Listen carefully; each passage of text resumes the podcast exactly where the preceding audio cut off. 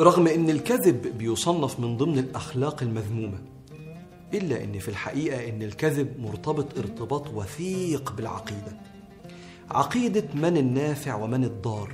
بسم الله الرحمن الرحيم. قل لا أملك لنفسي نفعا ولا ضرا إلا ما شاء الله. لأن علماء النفس بيقولوا إن الإنسان بيكذب إما لدفع مضرة أو لجلب مصلحة. ظنا منه إنه يقدر ينفع نفسه أو يحمي نفسه من أي ضر. أو يجلب لنفسه أي مصلحة. والحقيقة إن في عقيدتنا دي من اختصاصات الإله النفع والضر. أما العبد فيلتزم بأمر الله ألا يخرج منه إلا الصدق. يا ما كدبنا في أسعار مقتنيات بتاعتنا عشان تبان أغلى فنبان أشيك ومنظرنا يبقى أحلى في عيون الناس.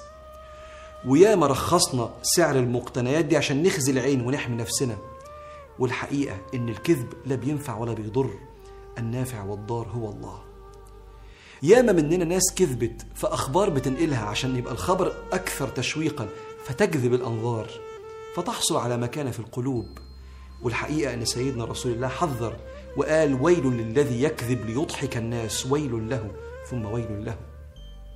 وكم واحد مننا كذب وهو بيبيع سلعة عشان ياخد خمسين جنيه زيادة في موبايل.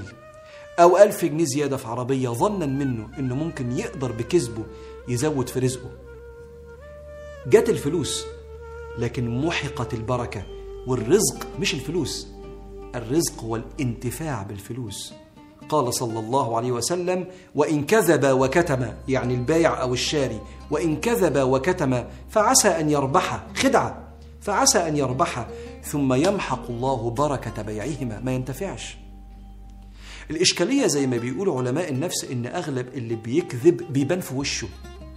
وعندنا مثل مشهور كده مصري يقول لك على وشك يبان يا نداغ اللبان اللي عايز يمضغ لبانه ومداريها باين في وشه الكذب كده. والإشكالية الأكبر اللي برضه بيقولها علماء النفس إن اللي قدامك مش هيحرجك ويقول لك أنت كذاب. فأنت بتفتكر الكذبة عدت. وفاكر نفسك نجيت نفسك من الموقف لكن اللي كذب سقط من عيون الناس لأن كل الناس خدت بالها.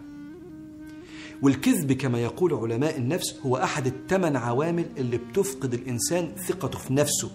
مش بس ثقة الناس فيه لما يكتشفوا. أنا لو كذبت كتير بقول لنفسي من جوه أنا جبان. مش قادر أقول الصدق لما بتزنق. والإنسان لما يفقد الثقة في نفسه بيواجه الحياة بتوتر.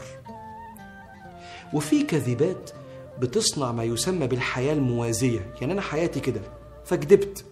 بس عشان أداري على الكذبة دي كدبت كذبة تانية. وتالتة عشان أداري على الكذبة دي فعملت حياة موازية مبنية على الكذب. بخرج فين؟ ولا نجحت؟ ولا سقطت السنة دي؟ حياة كاملة بيدفع فيها الإنسان التمن الرعب إن حد يكشف سلسلة الكذب اللي ورا بعض فالناس تتصدم فيه. فين الحل؟ الحل في تصحيح المعتقد. النافع والضار هو الله.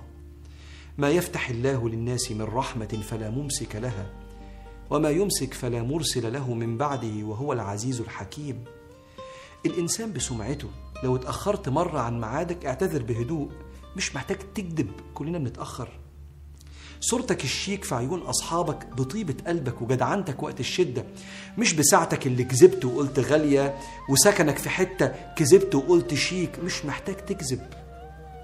وما تنساش إن خالق صورتك في الأذهان وصانع مقامك في النفوس هو الله. والبيع والشراء جزء من أرزاقك المكتوبة. اطمن وما تكذبش.